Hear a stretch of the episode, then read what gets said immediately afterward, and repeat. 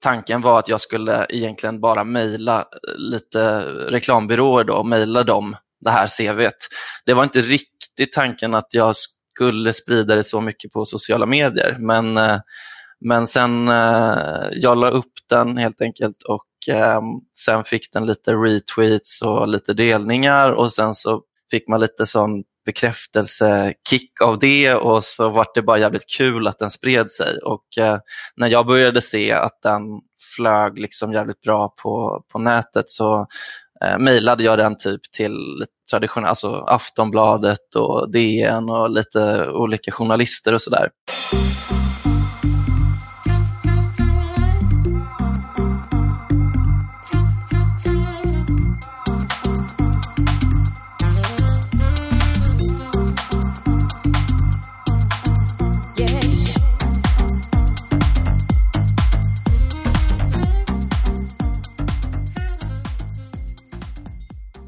Välkommen till Digital marknadsföring med Tony Hammarlund. I den här podden intervjuar jag branschexperter och marknadsförare för att lära mig mer om digital marknadsföring. Samt för att ta reda på vad som faktiskt krävs för att bli en digital marknadsförare i världsklass. I veckans avsnitt intervjuar jag Carl Lehmann som är marknadschef på resebyrån Kilroy. Carl tog dock en liten annorlunda väg in i branschen när han 2013 spelade in en video där han rappar in sitt CV. Videon fick ordentlig fart på sociala medier och har visats över 116 000 gånger bara på Vimeo. Han syntes under perioden på allt från Nyhetsmorgon till Resumé och Metro. Och den virala succén genererade inte bara uppmärksamhet utan också en hel del jobberbjudanden. Vi börjar det här avsnittet med att prata om Karls väg in i branschen och hur han kom på idén, men också hur det blev en viral succé. Du får sedan höra hur hans roll som marknadsansvarig på Kilroy ser ut och hur de arbetar med digital marknadsföring. Du får också höra hur man på Kilroy knyter ihop det digitala med det fysiska mötet vad han tittar på när han rekryterar marknadsförare och inte minst vilket hans drömresemål är. Som vanligt finns länkar och tidstämplar i din podcastapp och i poddelägget på tonyhammarlund.io. Men nu tycker jag att vi kör igång. Varmt välkommen till podden. Riktigt kul att ha dig här. Tack så mycket, kul att få vara med. Jag tänkte i det här avsnittet kommer vi prata om ganska mycket, allt från din resa som marknadsförare till den häftiga videon som du rappade till ditt första jobb in i marknadsföringsbranschen och sen även prata om Kilroy där du arbetar idag och lite hur din roll ser ut. Jajamän. Men jag tänkte att vi kunde börja med din utbildning och var du någonstans började. För jag, läste, jag var inne och kollade din LinkedIn-profil och då stod det att du läste statsvetenskap. Mm. Hur går man från statsvetenskap till digital marknadsföring och marknadschef på Kilroy? Uh, statsvetenskap pluggade jag efter gymnasiet uh, under tiden jag jobbade med sådana här klassiska säljjobb. Uh, knacka dörr, jag har stått på Sergels torg, jag har ringt, jag har stått i butik, jag hade massor med sådana olika säljjobb och under tiden så pluggade jag statsvetenskap mest för att jag tyckte att det var kul. Men jag kände nog kanske inte riktigt att det var någonting som jag kommer jobba med inom så ja, efter några år med, med klassisk, den hårda skolan av säljutbildningar och sälj så, så kände jag att det var dags att hoppa på någon, någonting som jag tyckte var intressant och kul. Och då, jag kommer från ett kreativt hem med en konstnärsmorsa så det här med kommunikation och, och bild och form och, och reklam tyckte jag var väldigt spännande samtidigt som eh, jag alltid haft ett intresse för IT så hittade jag en utbildning som hette marknadskommunikation och IT på Stockholms universitet som var en sån treårig kandidatutbildning som jag hoppade på. Så det var nog mer den här kreativa delen i mig som, som eh, lockade, som gjorde att jag lockades till um, reklam-PR. När väcktes det här? För du, du säger att du kommer från ett hem med liksom den kreativa sidan, konstnär och så här. Mm. Vad var det den här marknadsförings ådran i det? Vad var det som väckte den? Alltså det var nog kombinerat med hur, när jag började inse att jag hade lite talang, eh, lite natural skills för att eh, kunna sälja och hur man kan påverka människor. Eh, kommunikation helt enkelt. Som, jag, som jag började liksom tycka att ja, marknadskommunikation är, är, det är spännande och kul. Så det var sälj, säljet på gatan som fick mig lite grann att tycka att det var spännande med reklam och liksom påverkan av människor och psykologi såklart. Eh, sen som sagt, jag, jag har alltid varit en, en kreativ själ och, och, just att jobba på typ en reklambyrå tyckte jag var jättespännande att få, få göra. Och jag tror det här var väl tider ungefär när Mad Men, den här klassiska serien var också eh, stor. Så, eh, så det, lock, det gjorde nog någonting att jag lockades till det också. Och det är sen här som din rap-CV-video kommer in i bilden och som också blev vägen in i marknadsföringsbranschen. Och den här syntes ju på allt från Nyhetsmorgon till Resumé och på Metro och så vidare. Och för de som inte har sett den eller kommer ihåg den så finns den länkad i poddlägget. Men hur kommer det sig att du valde att skapa en video av ditt CV och hur gick du tillväga egentligen? Det var en eh, kul period och det var verkligen min första sån eh, virala kampanj som jag fick eh, vara med om och, få, och liksom få uppleva effekten av när någonting får egna fötter och, och liksom springer, och, springer av sig själv om man säger så. Nej, jag, jag, har alltid, jag har alltid hållit på med musik, jag har alltid hållit på och rappat och jag har alltid haft den tanken att det vore jävligt kul att rappa sitt CV och, och liksom göra en, en låt om det och sen söka jobb på det sättet. Eh, vilket jag gjorde efter skolan, efter när plugget var slut och, och, jag stod arbetslös så hade många av mina kurskamrater, de hade redan fått jobb på sina byråer då, som de praktiserade på så de fick jobb direkt. så. Men det, det, jag praktiserade inte utan jag jobbade bara. Jag, jag tyckte det var, det var gratis jobb att hålla på och praktisera tyckte jag då, så jag jobbade istället. Men, eh, nej, men så jag stod där eh, eh vid, vid kursens, eh, eller skolan när den var slut och eh, spelade in egentligen min, eh, jag skrev en låt helt enkelt baserat på mitt CV. Och Tanken var att jag skulle egentligen bara mejla lite reklambyråer och mejla dem det här CVet. Det var inte riktigt tanken att jag skulle sprida det så mycket på sociala medier, men, eh, men sen eh, jag la upp den helt enkelt och eh, sen fick den lite retweets och lite delningar och sen så fick man lite sån bekräftelsekick av det och så var det bara jävligt kul att den spred sig. Och när jag började se att den flög liksom jävligt bra på, på nätet så eh, mejlade jag den typ till traditionella, alltså Aftonbladet och DN och lite olika journalister och sådär. Så de plockade ju upp det ganska snabbt också och sen var det ju liksom ett riktigt ett race så, där många slet i mig och eh, ja, vissa ville ju ha jobb eller hade ju jobberbjudanden och andra hade, eh, ville göra intervjuer och, och sådär.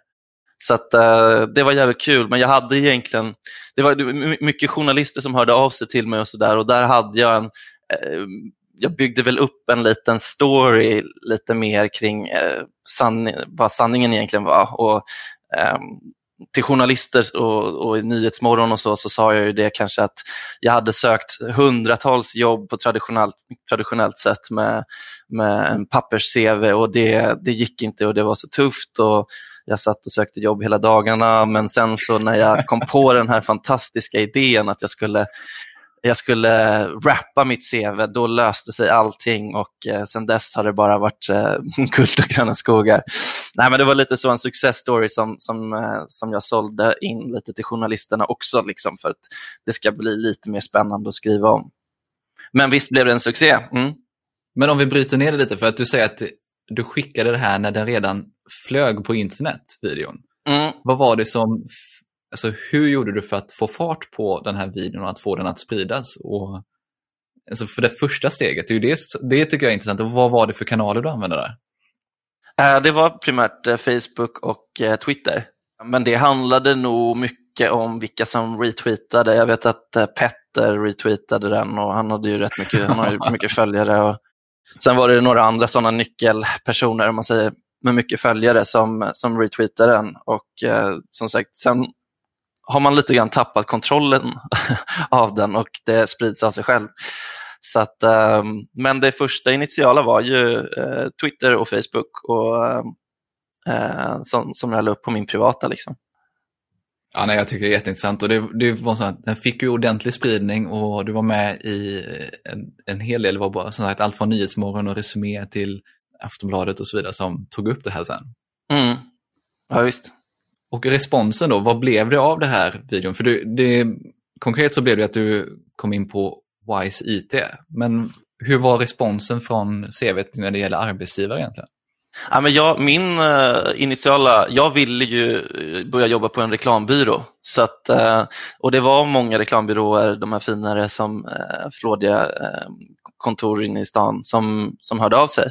Och jag var på en hel del intervjuer, så mer eller mindre förutsättningslösa, eh, för att prata med dem. För det var det som var min, det var liksom målet med den här kampanjen. Det var inte bara att få likes och bekräftelse att det var kul att folk tyckte att det var en rolig grej, utan jag ville ju få ett jobb. Så eh, jag var på mycket möten med, med olika byråer, eh, men jag var också på möten på, för tjänster på andra sidan om man säger så. Eh, jag, jag, jag, tyckte reklambyråerna var, var coola och bra sådär, men jag allra bäst eh, eh respons eller det var en vd där på Wise IT, då, på det här rekryteringsbolaget som han var jävligt sugen på att anställa mig och han var liksom framme med pennan och ville liksom att han skulle på semester, han ville att jag skulle signa liksom så fort som möjligt och eh, jag skulle få jag skulle få rodda marknadsföringen för Wise IT och sitta på den posten själv. Och, han var väldigt hungrig och, och trevlig och verkade verkligen vilja liksom satsa på mig som kanske inte hade, jag hade väl inte mer än, jag hade ju rätt utbildning men jag hade inte så himla mycket erfarenhet. Och, så att eh, när han erbjöd mig marknadsansvarig rollen på YCT så, så kändes det bara jävligt rätt. Så då hoppade jag på det faktiskt. Och det ångrar jag inte utan jag är väldigt glad att, att eh, jag kom in där. Eh, YCT var ju det företag som jag liksom fick lite självförtroende och, och fick lära mig hands-on med det som jag som jag har lärt mig i skolan då, faktiskt vara operativ. Hur hade de kommit över videon? Eller hur hade de hört talas om dig? Alltså det här är ju, det, rekryteringsbranschen, det är ju CVs, det, alltså, jag var ju kändis på, på hela, hela WISE-organisationen så var ju jag liksom det som alla hade pratat om eh, under någon, ett par veckor. Liksom. Det är så, så här man den, borde göra? Ja, men lite så att det är också en kul grej. Eh, för det är ju lite speciellt. Um, nej men så att när jag fick min rundtur där min första dag så var ju folk så här, ah, det är du, det är du. så det var ju lite kul. Jag, jag blev kallad för rap-CV-Kalle typ de första två månaderna. Liksom. Men, uh, så det var också lite så att man ville skaka av sig. Jag, jag är jättestolt över den, jag tycker det är en skitkul grej. Uh, men jag vill ju också visa att jag var ju där för att jag uh, är en duktig marknadsförare och inte bara en rappare. Liksom. Det, jag, kan, jag har lite andra kompetenser också. Men vad var det för roll du fick där på Wise då?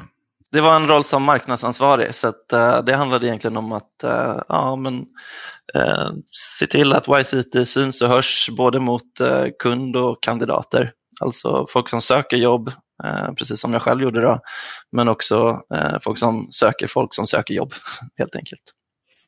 Efter jobbet på Wise har du även varit inom resebranschen och inom drivmedel inom marknadsföring.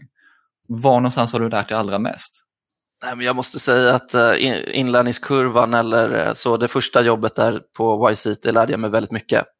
Jag var ju också ensam i, marknadspositionen där så att eh, eh, Eh, det var ju lite att man famlade lite i mörkret och inte riktigt visste vad man gjorde heller. Men learning by doing, liksom, det är bara att testa sig fram och eh, vdn där var väldigt så eh, ja, han tyckte att det var, man, man provar saker och funkar det inte, då gör man om, så gör man något annat och så testar man tills det blir rätt. Och, jag menar, det är mycket så det marknadsföring går ut på.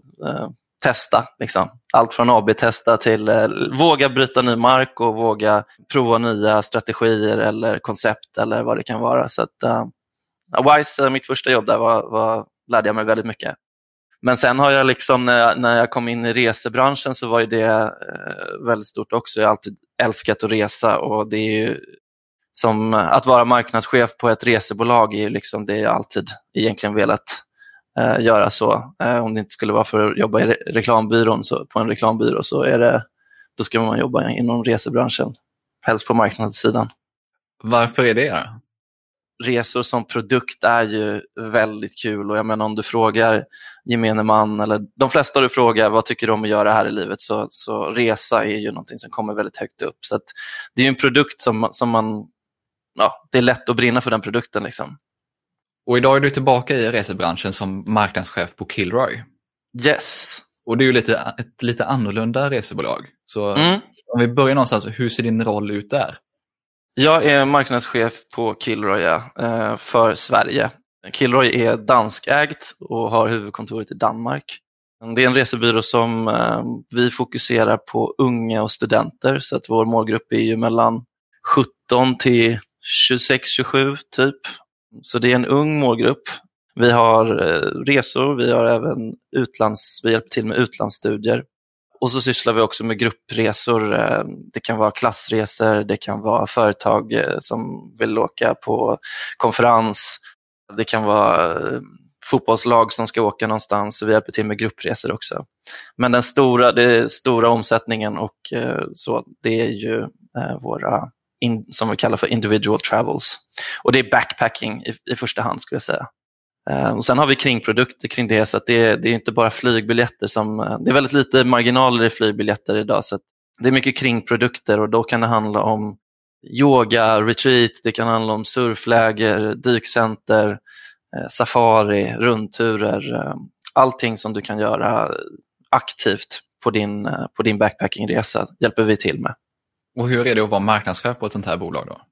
Ja, men det är ju förbaskat kul. det, är, det är väldigt kul, för som sagt den målgruppen, den målgruppen som jag jobbar mot är ju liksom ständigt förändrad. alltså alltid nya kanaler. Det är, helt plötsligt kan någon app liksom explodera och så TikTok eller det, det är liksom ehm, ja, det, är, det är lite snabbrörligt. Så. Jag, tidigare har jag jobbat på Temaresor som är ett eh, resebolag som är en resebyrå, resebolag som eh, fokuserar på seniorer, seniora skulle man säga. Eh, så det är pensionärer mycket och då var det ju mycket tryckt media, liksom. det var köpa annonser i eh, Se och Hör och Damernas Värld och tryckta tidningen DN och sådär. Så att, eh, och det, det var väl kul att lära sig på, sätt, på sitt sätt, men eh, det är ju sociala medier och Youtube och influencers och den delen som jag tycker nog är bra mycket roligare. Så att seniorer i all ära, men, men eh, ungdomar och unga är för min del i alla fall mycket roligare att jobba mot. Jag kan tänka mig just som du säger att det gäller att du håller dig på tårna också. Absolut, så är det. Så att om vi börjar någonstans, för då här kommer ju in det intressanta. Om man nu har den här typen av målgrupp, hur jobbar man med digital marknadsföring? Jag kan ju bara kort säga liksom sociala medier. Och det är ju bara eh, titta på, på kidsen idag. Du, nu sitter ju förvisso alla och knappar på sina mobiler på, på tunnelbanan, men, men eh, i synnerhet liksom, eh, kids idag, de, de umgås ju med varandra med sina mobiler. Så att eh, de sitter ju med mobilerna uppe fast de sitter tillsammans och hänger. Eh, vilket vi, kanske din och min generation och, och, och äldre tycker bara är ohövligt. Liksom. Det, korta svaret är social media. Liksom. Och utöver att ni arbetar i sociala medier, det digitala, så har ni även butiker i Göteborg, Stockholm och Lund om jag förstår rätt. Precis, nu håller på att stänga uh, Göteborgsbutiken, men, uh, men Lund och Stockholm har vi våra butiker. Och det är för att vi, vi ser fortfarande värdet av att det, det personliga mötet. Dels så, så blir försäljningen och som man säger basket size, eh, folk köper mer när de kommer in i butik eh, och de upplever servicen blir bättre och, och eh, så att vi, vi ser fortfarande ett stort värde i, i det fysiska mötet i butik på sådana reserådgivningar som vi, som vi har med våra kunder. Men vi försöker allt mer förflytta oss liksom, och ha rådgivningar på, de, på den spelplanen där de befinner sig. Vi satsar ganska hårt på chatt på vår hemsida. Vi försöker prata mycket med våra kunder via Messenger och, och Facebook, eh, på Instagram och sådär. Så, så det är en utmaning att få folk att få vår målgrupp att ta sig ut till en butik.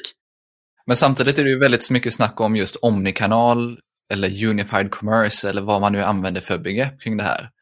Alltså tänk dig själv att du har en eh, 19, 20, 21-åring som har rensat fisk i Norge i ett år och liksom sparat ihop jävligt mycket pengar och eh, ska åka på sin jorden runt-resa.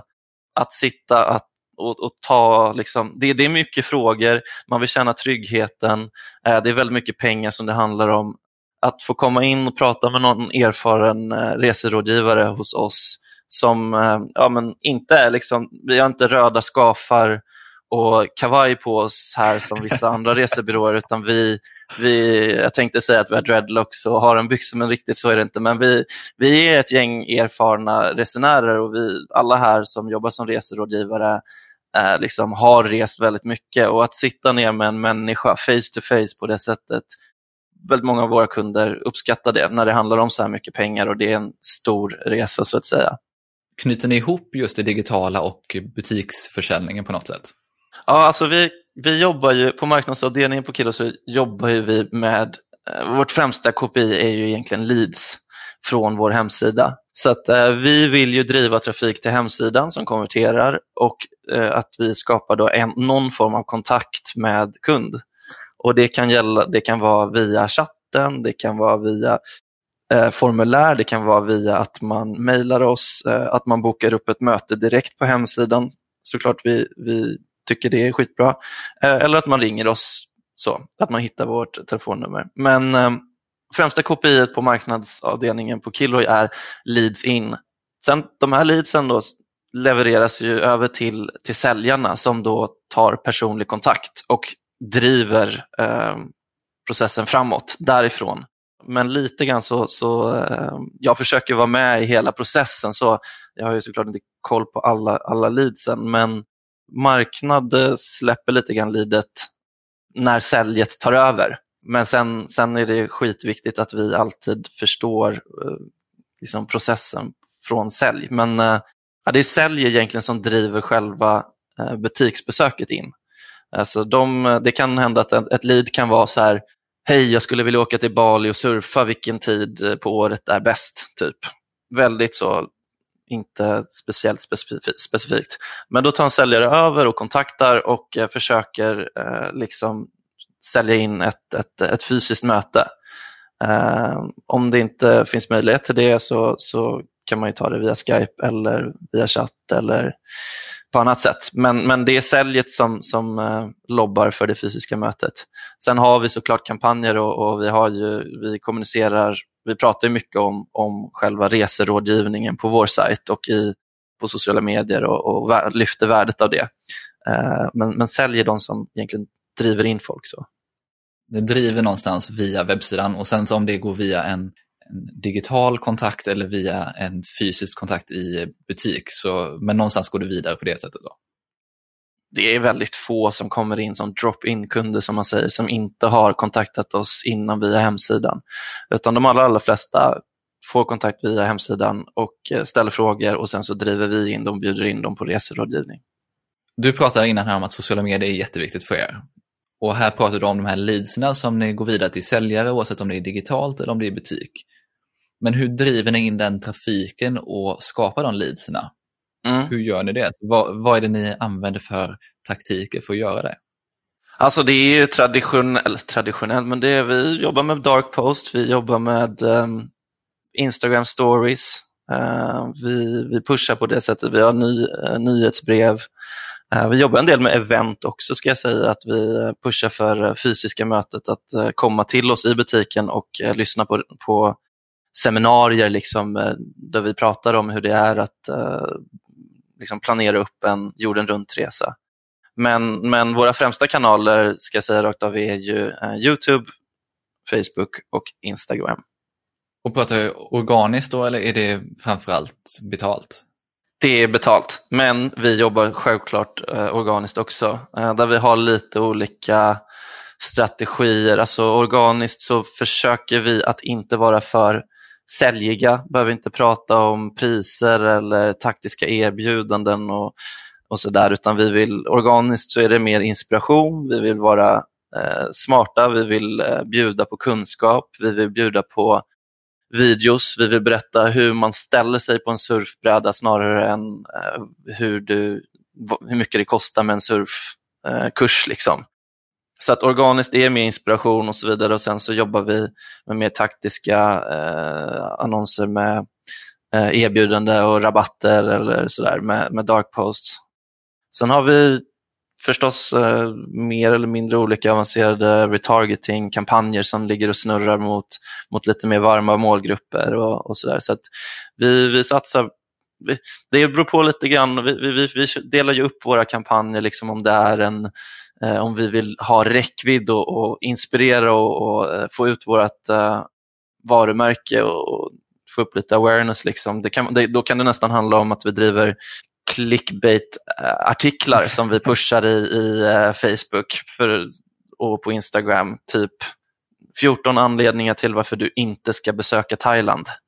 Och det älskar ju folk att klicka på och det liksom driver väldigt mycket trafik. Så det kan ju vara en sån top funnel artikel där vi, eh, där vi är lite roliga och har lite kul approach till, till varför man inte ska åka till Thailand.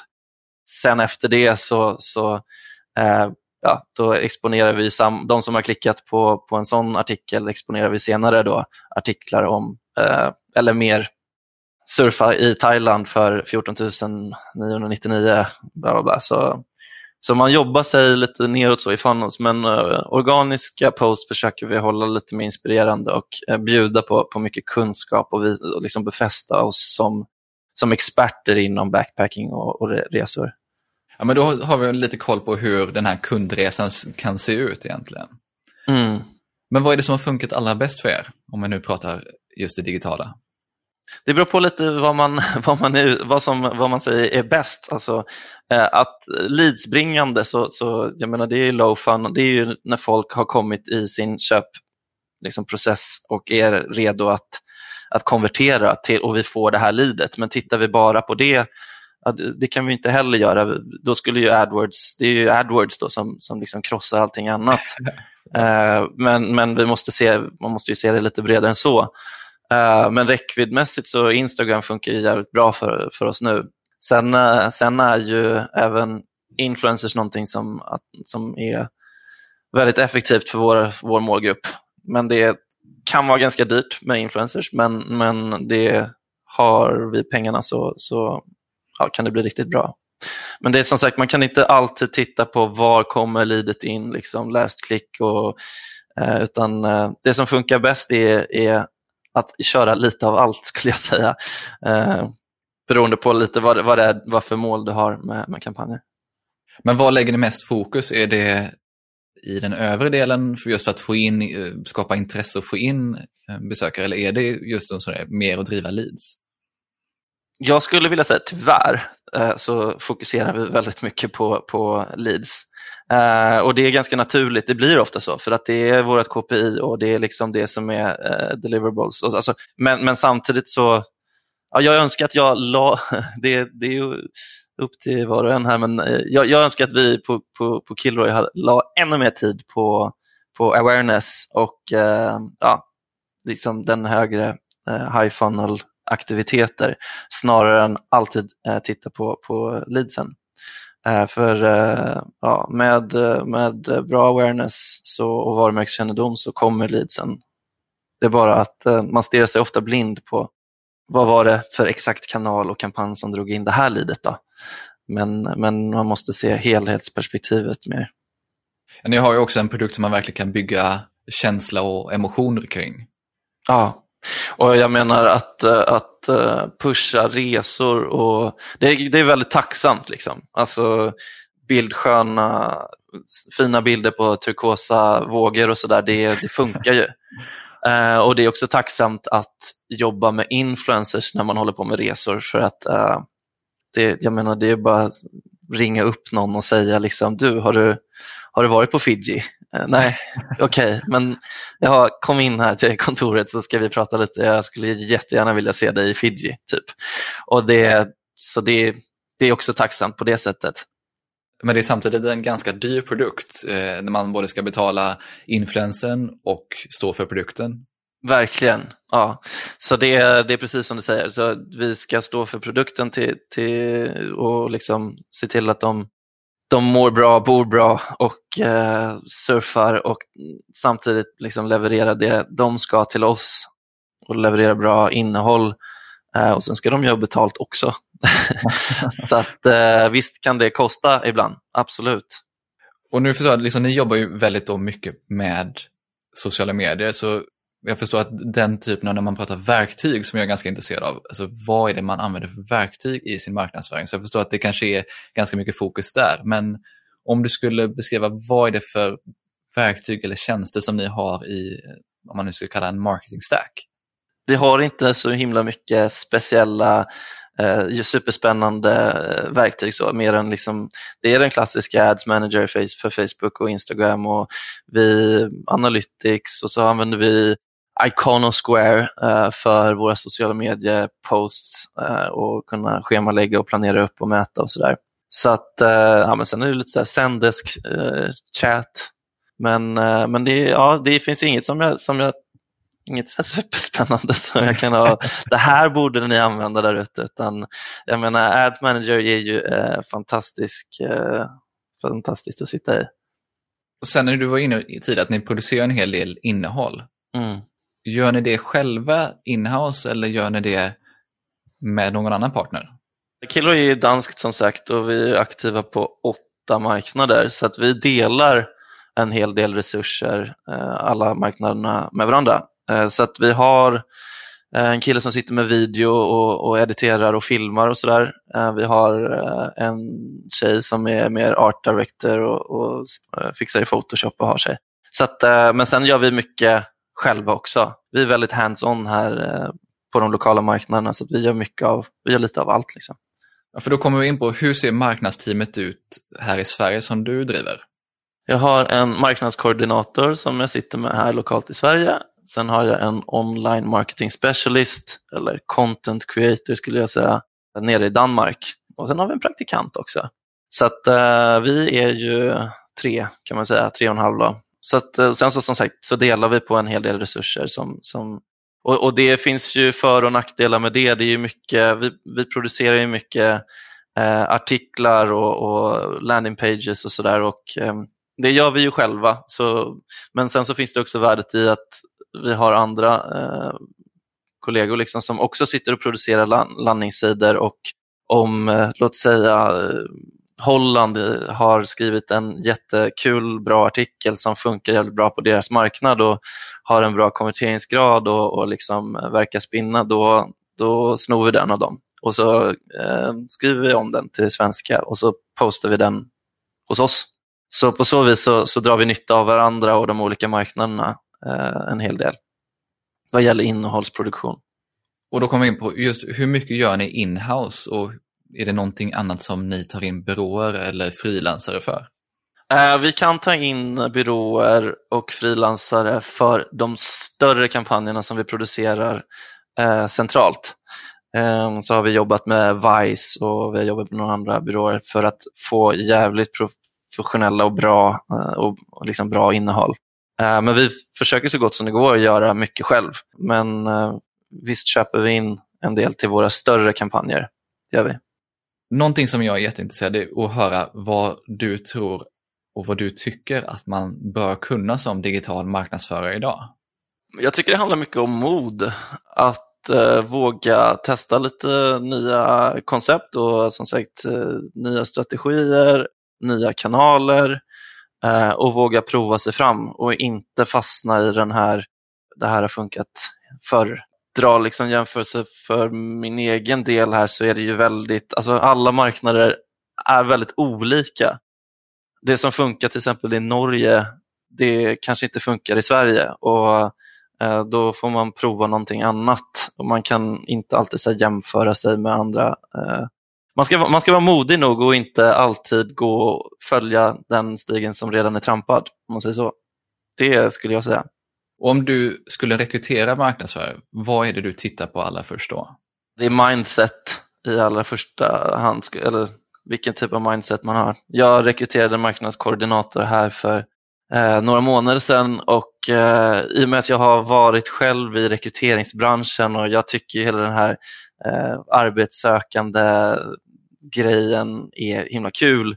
Så det, det som jag tycker är väldigt viktigt är liksom vilka frågor man ställer. Så som sökande av, eh, om du är ute efter ett jobb inom marknad så är det jävligt viktigt att du har koll på företaget som du kommer till och att du ställer rätt frågor. Så de frågorna som min marknadskoordinator ställde mig under arbetsintervjun var så pass liksom, genomtänkta och det, jag förstod att hon har förstått grejen här. Det, jag tycker nästan att det är liksom vad du frågar säger mer om dig själv än vad du berättar om dig själv. Så att, eh, det tycker jag är skitviktigt, att, att man läser på om, om företag som man ska till och eh, som sagt ställer rätt frågor helt enkelt. Vad kan det vara för typ av frågor som man bör ställa i en sån situation? Nej, men det, det är bara att titta på verksamheten och, och fråga. Jag, jag, tycker liksom dina frågor till exempel, eh, som du ställer mig, är, är, är, jättebra frågor som man skulle kunna ställa på, på en intervju för ett jobb och, och liksom vara nyfiken på men hur, hur, eh, hur funkar det här med influencers? Är det, eh, jag minns att min koordinator frågade liksom hur, hon, för hon hade hört att det är ganska dyrt med influencers i Sverige och, och eh, hur, hur funkar det? Det är ganska dyrt med influencers. Betalar ni dem och betalar ni resan eller hur gör ni? Och då är jag så här, åh gud, ja, hon har verkligen koll på mitt största huvudbry. eh, vad, vad, bra. Nej, så här funkar det, vi gör si och så här. Så att, eh, det, det, det är liksom, man måste tänka på den verksamheten som man är hos och, och det jobbet som man söker. Liksom, vad, vad är pain points? Så.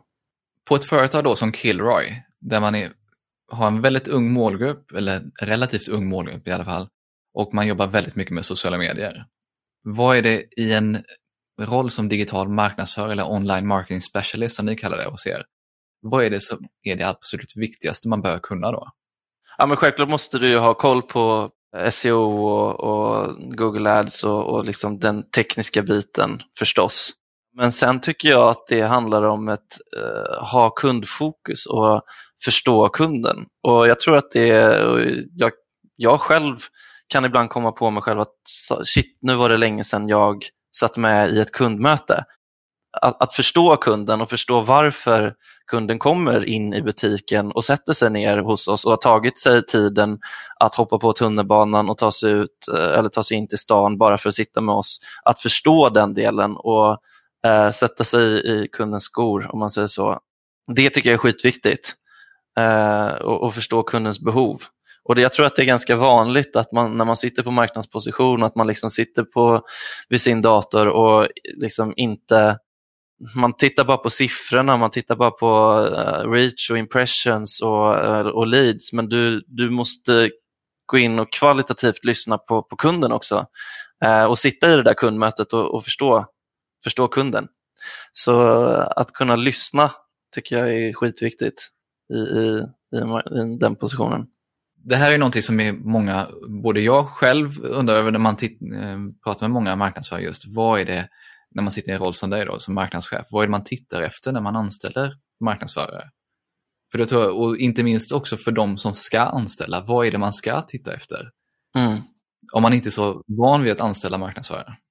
Ja, men jag, jag, jag, tycker det är ett mindset och att man är, att man är lyhörd och att man, man lyssnar och man är nyfiken.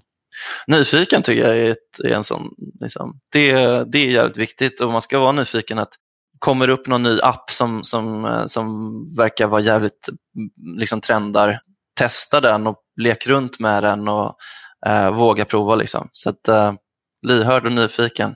Vi pratade om det tidigare, men just att du behöver hålla dig på tå för mm. vad som händer, att det kommer upp nya appar hela tiden som du säger här. Vad skulle du säga, vad är de bästa resurserna just för att hålla sig uppdaterad som marknadsförare? Det finns ju så sjukt mycket olika bloggar och eh, kunskap på, på både Youtube och bara googla fram. Liksom. Jag sitter väl ibland på LinkedIn och följer lite sådana nyckelpersoner. Jag tar mig tid och, och sätter mig på så här, olika bloggar. Så sen så, som sagt så är det ju viktigt också att, att sätta sig med, som sagt, med kunden och lyssna. Jag, jag älskar att sitta ner ta, när jag bara tar mig tid och sitta ner med eh, reserådgivarna när de sitter och snackar med, eh, med eh, kunden. Dels för att jag lär mig väldigt mycket om, om vad, vad kunden liksom tycker och tänker.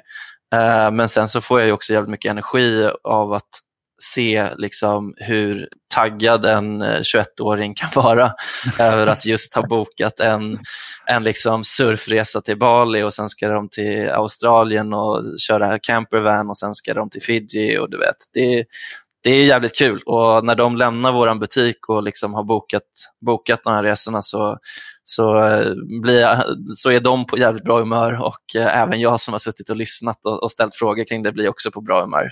För eh, man, man, vet ju själv hur det, hur det känns att liksom boka upp någon drömresa så där, som man har längtat till, som man kanske har jobbat jävligt hårt för att kunna ha råd med. Vilket är ditt drömresemål eller det, det bästa du har varit på? Kul att du frågar. Det är klart det är sånt vi pratar om hela tiden här, men jag är väldigt sugen på att åka till Korea.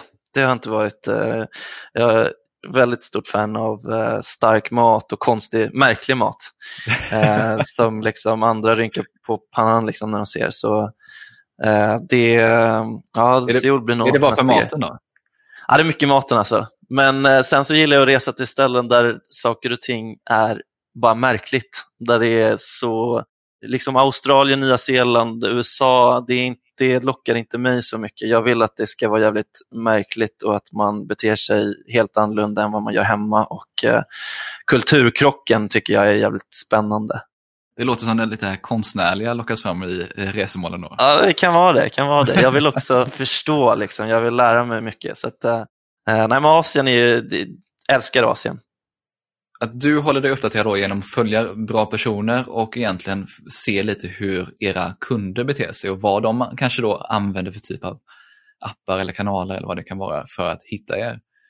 Men vad skulle du säga, vad för någon marknadsförare som vill lära sig mer om digital marknadsföring och vill hålla sig uppdaterad? Vad har du för tips på, oavsett om det är poddar eller bloggar eller böcker eller vad det kan vara då, eller personer att följa? Vad, skulle, vad är dina bästa tips där? Jag har ju faktiskt eh, jag har några stycken som jag brukar vända mig till och det är powerdigitalmarketing.com.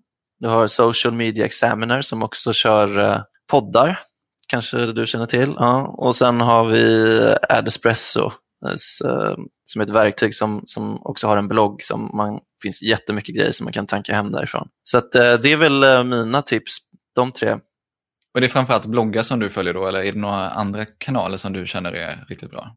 Ja, det är de bloggarna. Eh, jag kan, eh, om det är ett specifikt, liksom en utmaning eller ett problem eller någonting som jag eh, vill testa så, så brukar jag vända mig ofta till Youtube faktiskt till och med. Om jag vill få fram någonting om AB-testning på Facebook så kan jag prova en sökning på, på Youtube och se om det är någon som har gjort liksom, någon tutorial eller sådär. Så att, det är no shame in that game. Alltså att sitta och kolla på Youtube tutorials tycker jag är skitbra och det uppmuntrar jag mina medarbetare liksom att ta er tid att, att uh, lära er saker. Eh, och det finns så mycket där ute. Men eh, poddar är ju också en sån, ett bra ställe att lära sig mer av. Ja, men jag är samma sak när just med YouTube, eller oavsett om det handlar om att googla fram eller söka på YouTube. Mm. Så senast här idag just och tittade på att göra videos i Adobe Premiere och göra lite coolare för poddpromotion egentligen. Då. Så att, eh, jag gör samma sak där. Då söker jag upp, jag älskar Gary Vaynerchuk till exempel, så då tittar jag på hur han gör sina grejer. Ja, men det finns ju så mycket och uh, ibland är det liksom, man behöver inte, man behöver inte ta in någon eh, AD eller någon konsult för det ena och det andra, utan mycket går att lära, lära sig själv. Sen brukar jag här, fråga dem man tror vet. Det är en klassiker. Absolut, ja. Ja, men det, det, det, finns ju en sak att sitta och söka själv, men, och det kan man ju också göra, men det är ju inte att förakta. Och, alltså, självklart så behöver man kanske ha ett litet nätverk, men har man några kontakter mm. så är det oftast, man vet ju lite vem som håller på med vad mm. och vem man borde kunna fråga om detta. Verkligen, och vi har ju en hel del eh, Facebookgrupper och LinkedIn-grupper och sådär. Att uh, man kan ju slänga ut en fråga och så är det folk, väldigt mycket folk som är liksom mer än gärna bjuder på kunskap och vissa är ju så behjälpliga, liksom hjälper en hela vägen till banken tänkte jag säga, men liksom hjälper en jättemycket bara för att de, det, liksom, de brinner för det. Och Det är jävligt fint och eh, det, det kan man också göra. Det finns mycket sådana grupper som man kan gå med i på Facebook och, och LinkedIn. Vad är det viktigaste du har lärt dig det senaste året? Det viktigaste jag har lärt mig det här året det är väl att eh, man måste se helheten och inte bara gå och räkna på var fick vi in det här lidet någonstans utan att allting hänger ihop. Och att uh, awareness och varumärkeskännedom och uh, liksom inspiration och sådana saker, kampanjer för, med, med målsättning, liksom, att lyfta sånt är, är minst lika viktigt som att gå och jaga de här leadsen som är som är liksom 20 procent om du bokar inom ja, tre veckor, bla bla bla. Det, det, man måste tänka bredare än så. Någonting som jag alltid brukar försöka få med, det är just kring trender och vad man ser kommer hända framöver. Och du har ju, förstår jag, jättebra koll på sociala medier och vilka kanaler som är på väg där. Men om du tittar lite bredare kring trender, vad ser du kommer hända framöver inom marknadsföring och vad bör man kanske hålla koll på? Som sagt, influencer marketing är ju något som, som nu har trendat ett tag och, och jag tror inte att det kommer eh, klinga av. Det kommer bara ta en annan typ av form. Det, det, du, du har vissa influencers och profiler som, eh, som förmodligen tröttar ut sin målgrupp och, och gör dem eh, det är sponsrade inlägg, du vet 9 av 10 är sponsrade inlägg och folk bryr sig inte om det längre. Så att man får välja sin influencer med, liksom, tänka igenom vad, vad, hur, hur är den här influensen, är, är, går den i linje med, eh, går hen i linje med, med min produkt och min tjänst? Influencertrenden tror jag inte är en trend så, utan jag tror att det kommer fortsätta. Eh, men som sagt, jag tror att eh, fler och fler varumärken behöver tänka till mer om eh, vem de jobbar med. Kanske jobba mer långsiktigt och, och bredare. Ja, precis. Många pratar ju om just det här med microinfluencers eller vad man nu sätter för benämning på, men de lite mindre influencers, vad man nu sätter, om det här är upp till 1000, upp till 10 000 eller vad man nu säger följer beroende på plattform. Nej, men det, det, tror jag, det tror jag mer på. Och jag tror mer på de här nischade eh, influencers som liksom står för någonting, som, är, som har en nisch snarare än de som har väldigt, väldigt mycket följare och har en, liksom, stor räckvidd och så, men, men eh, egentligen skulle kunna lägga upp vad tusan som helst, om det så är kalsonger eller proteinpulver eller sojafrön, vad det än är. Liksom. Nej, hellre, hellre jobba med någon som, som står för någonting och som funkar med ditt varumärke och din tjänst och produkt. Men det är ganska kul att följa vissa av de här, vi ska inte nämna några namn, så, men av de här större profilerna som har väldigt mycket sponsrat innehåll om man säger så. Det är nästan roligt att bara följa för att se vad är nästa grej de kommer promota just nu. Ja, jag tycker det där är intressant, alltså hur eh, Alltså vi, man snackar ju om att vi är liksom bannerblinda, att vi inte ser banners när vi är på Aftonbladet och vi ser inte innehållet. Men jag undrar, eh, och det, det är något jag funderar på mycket på, liksom hur, hur vår målgrupp, eller den här målgruppen som blir exponerade för de här influencernas inlägg, om de också börjar utveckla någon form av bannerblindhet fast för sponsrat innehåll på, på Instagram till exempel, eh, eller Youtube, det där är intressant. För de är ju så vana med det här, de här sponsrade inläggen. Det är ju en del av innehållet. Så, så att, uh, mm. Men som sagt, jag tror som marknadsförare och uh, om du, du vill ditt eget varumärke väl så bör du, du inte alltid tänka i räckvidd utan tänka mer liksom, vad rimmar med ditt, ditt varumärke och vad, vad står ni för? Vad står influensen för? Ja, men det får vi försöka hålla koll på här framöver. Om man ska följa er på Killroy, vad gör man det allra bäst? Eh, I sociala medier. och man ska såklart spana in vår hemsida på killroy.se. Följ oss på Killroy Sweden på Instagram. Och sen sa du, ni hade även YouTube-kanal som ni la upp en hel del bra innehåll på också.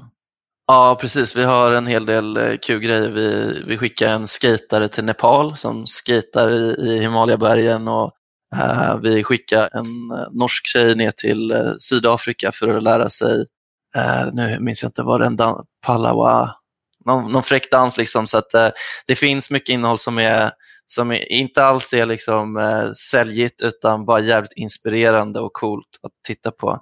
Snygga bilder också från Himalaya och så vidare.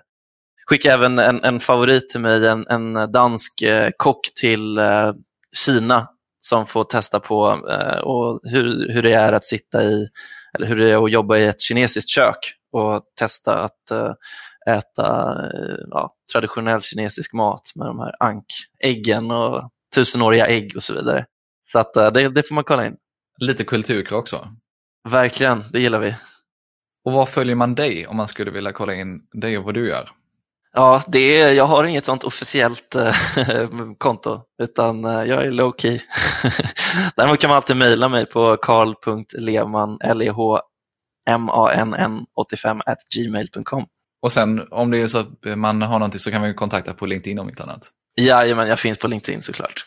Jag får tacka så här så mycket. Det var riktigt kul att höra om allt från den här rapvideon till hur ni jobbar just med digital marknadsföring på Kilroy. Kul att prata med dig, det är jag som ska tacka. Som marknadsförare är det alltid kul att se personer och företag som experimenterar och gör annorlunda saker. Det var därför väldigt kul att prata med Carl. Och har du inte sett hans video så tycker jag att du ska kolla in den. Passa även på att kolla in lite vad Kilroy gör i olika kanaler och de fantastiska bilderna man lägger upp på Instagram. Du hittar länk till videon på Vimeo, några artiklar samt Kilroys olika kanaler i poddlägget på tonyhammarlund.io.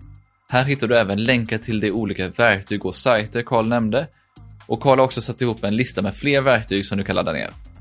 Jag hoppas att du gillade avsnittet och att du prenumererar på podden så att du får notiser när jag släpper nya avsnitt. Och tipsa gärna kollegor om podden. Sen får du gärna gå in och följa mig på LinkedIn där vi kan fortsätta diskutera digital marknadsföring. Avslutningsvis vill jag också passa på att tacka Mikael på Newbies Music som hjälper till att producera podden och stå för musiken. Jag hoppas vi hörs snart igen.